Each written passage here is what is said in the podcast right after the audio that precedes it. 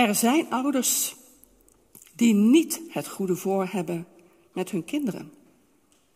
Met alle gevolgen voor hen van dien. Maar over het algemeen kan toch van ouders worden gezegd dat zij dromen dat hun kind goed terechtkomt. Dat het goed kan leren, goed kan meekomen op school, vriendjes maakt, zich verbonden voelt met zichzelf, met de wereld, liefde en geluk vindt.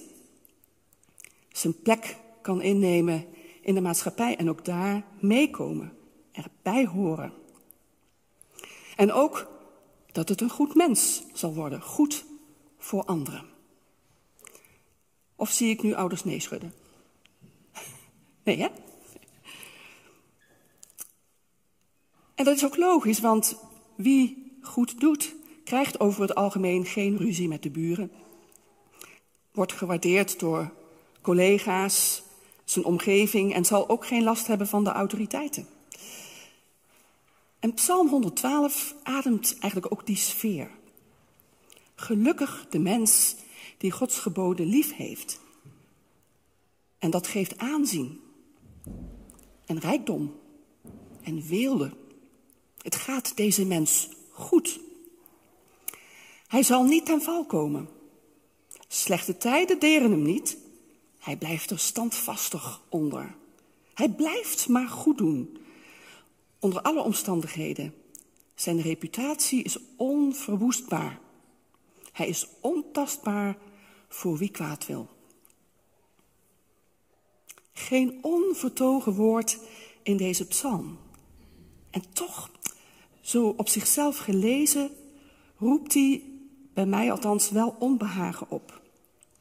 En dat onbehagen, toen ik erover nadacht, dat zit in toch die sfeer van een natuurlijke ordening der dingen die deze tekst ademt. Een natuurlijke orde zoals het leven hoort te zijn.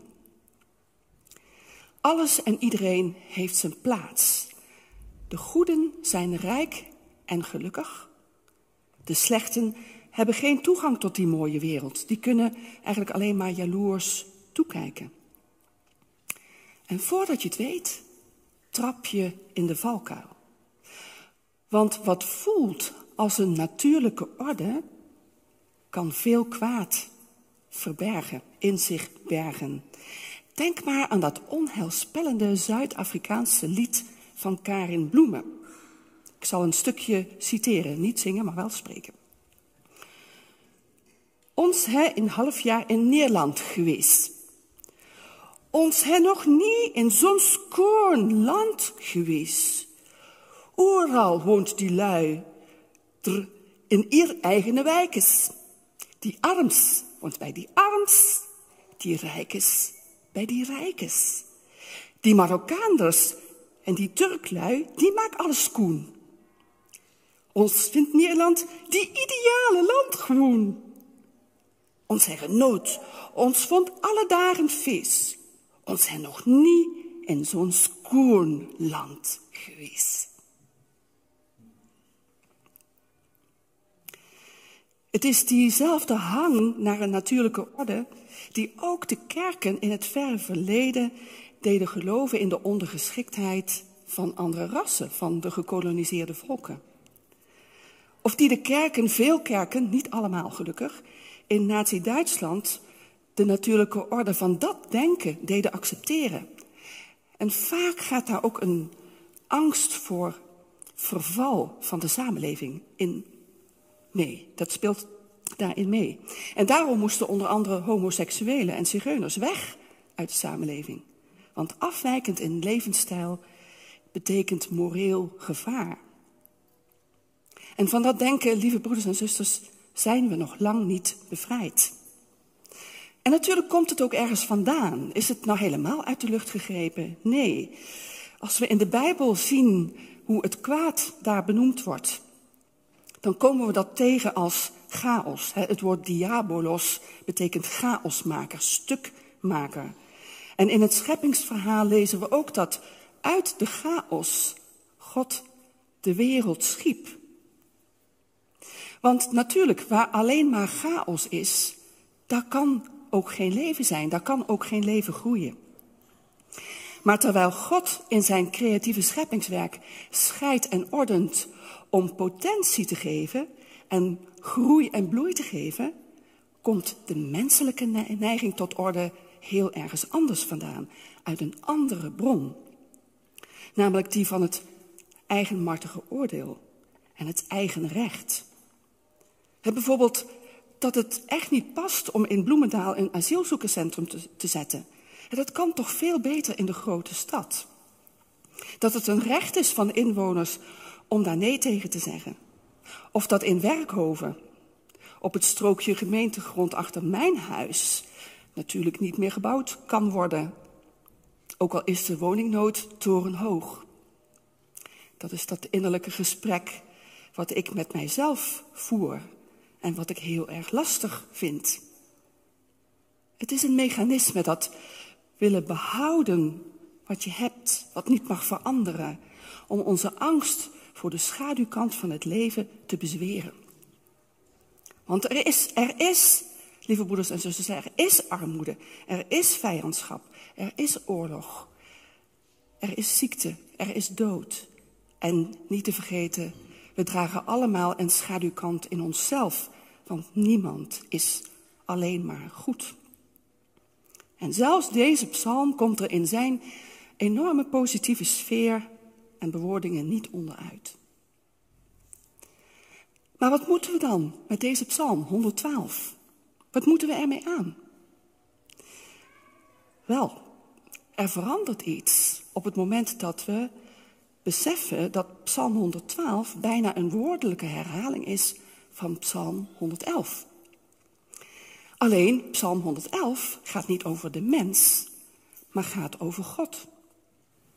En daarmee komt Psalm 112 in een ander licht te staan. De psalmist roept ons in Psalm 112 op te beseffen en ons te herinneren dat wij geschapen zijn naar Gods beeld en gelijkenis. En dus geschapen zijn om, natuurlijk kan dat niet altijd, maar toch op God te lijken. En vanuit dat perspectief te kijken naar die rechtvaardige die we worden geacht te zijn. En laat het nou toch zo zijn dat de mens met een hoofdletter, de zoon die in de wereld kwam, tegen de door mensen geschapen natuurlijke ordening inging. Om zieke, arme en verworpen mensen daaruit te bevrijden. En hij zei tegen zijn vooral niet erg brave leerlingen: Jullie zijn het licht in de wereld. Leef dan ook zo, zelfs als je daarom niet geaccepteerd wordt door de machtigen, de rijken en de autoriteiten. Jezus bracht gebroken mensen in een staat waardoor ze weer konden lopen en springen en lachen en juichen, terwijl de natuurlijke orde het volstrekt logisch vond dat ze afgescheiden waren en niets meer van het leven te verwachten hadden. En ook al zijn wij Jezus niet, dat wil niet zeggen dat het niet kan. Ook in kleine dingen kunnen we de natuurlijke orde doorbreken, waardoor er ineens licht binnenkomt. Soms kan een mens iets doen, iets onverwachts, totaal onverwachts, waardoor de lach doorbreekt. Laten we even kijken.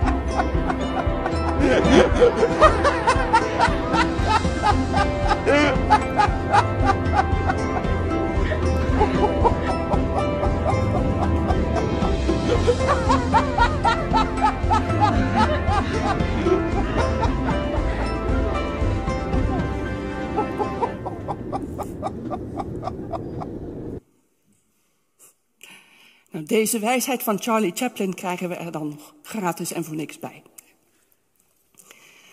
Ja, natuurlijk, dit is klein. Dat besef ik ook wel. Maar laten we ook luisteren naar de predikante Tineke van Lindenhuizen, die jarenlang naar Thijzee ging. En zij was daar aanwezig op het moment dat een vrouw de oprichter Frère Roger doodstak.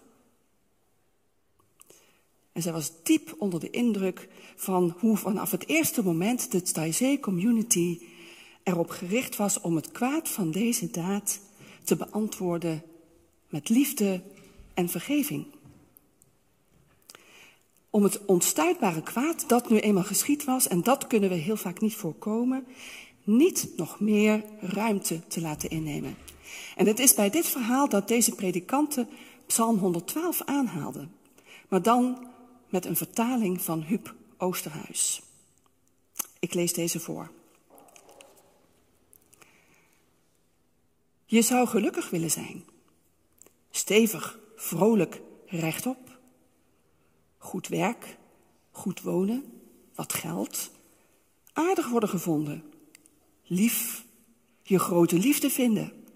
Kinderen krijgen. Gezonde, mooie. Dat zou je willen. Wie niet? Wil je ook goed zijn? Betrouwbaar, trouw, rechtvaardig, meedogend. Een duistere zaak is de wereld, maar er zijn mensen van licht. Gierig, vreed, zelfzuchtig, deze en gene. Maar er zijn mensen die geven en delen. Er is kwaad, woester kwaad, onstuitbaar. Maar er zijn mensen die de doem doorbreken. Er zijn woorden gesproken die werken ten goede, je hart versterken, je geweten scherpen. Gelukkig wie ze zoekt te horen en leeft om te volbrengen. Een kwaadwillig mens wordt nooit gelukkig. En bij die psalm zei deze predikanten, waarom zou je het kwaad willen? Daar waar het is, neemt het zoveel ruimte in. Waarom zouden we niet, en dat is een vraag van God aan ons, zegt zij, waarom zouden we niet goed willen zijn? Laat het zo zijn dat ouders al het goede voor hun kinderen wensen en bovenal dat het mensen worden van karakter. Die, ook al krijgen ze het leven niet cadeau, want dat is toch de realiteit van het leven, dat ze mensen van licht blijken te zijn. Die de woorden uit de Bijbel zullen zoeken als versterking voor hun hart en geweten. En die als dat woord erom vraagt, tegen de natuurlijke orde in zullen handelen en spreken voor hen die dat niet kunnen. Ook al draagt dat dan misschien niet per se bij aan hun materiële rijkdom en weelde. Maar dat ze daarentegen zullen baden in de weelde en de rijkdom van Gods liefde en daarin hun geluk zullen vinden. Amen.